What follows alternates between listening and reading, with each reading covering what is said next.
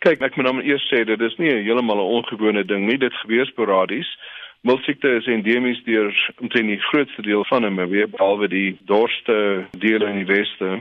So ons het nou vanjaar dan 'n uitbraak gekry in die uh, onder Sekwe en Buffels in die noordooste en die Kavango rivier. Dit is baie ongewoon. Dit is die eerste keer dat ons so iets gesien het, maar ons het van tevore al miltsiekte in daai um, noordooste van die land gehad, maar olifante was geaffekteer, niks anders nie. So hierdie keer is nou die Sekwe wat deurgeloop het. Ons het dit dusver 110 dooie diere opgemerk. Ons gaan nou voor die naweek weer uh, vlieg en per boot deur die riviere gaan en dalk gaan nou nog verdere gevalle gerapporteer word in die proses, maar dis rondom 110 en ehm um, dan 20 buffels wat al aangeteken is as sterf waarskynlik aan miltsiekte. Hoe ernstig is die impak op die populasie?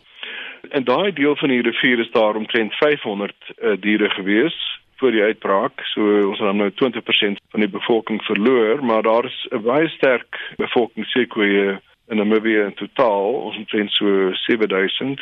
So dis nie werklik 'n groot bedreiging aan die totale bevolking nie, maar nou lokaal is dit dan wel betekenisvol en dit kan natuurlik nog voortduur. Dis nie te sê dat uh, ons nou oor die ergste is nie. Ons moet dalk 'n treukie terugneem. Hoe werk miltsiekte? Hoe breek dit uit? Dis 'n baie komplekse ding.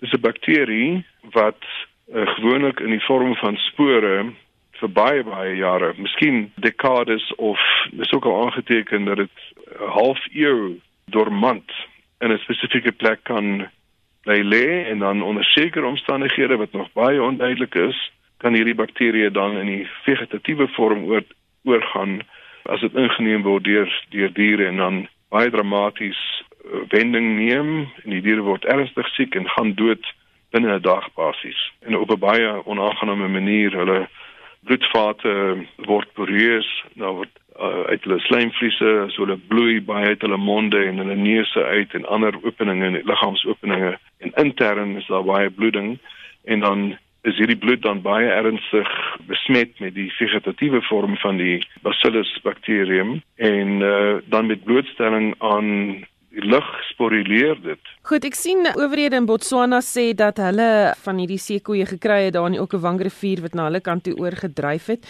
Hulle vermoed hulle is daar is anthrax of milt siekte by hulle gediagnoseer of geïdentifiseer en hulle sê dit kom daar van julle kant af, maar is daar iets wat julle as 'n departement kan doen of moet mense nou maar net wag?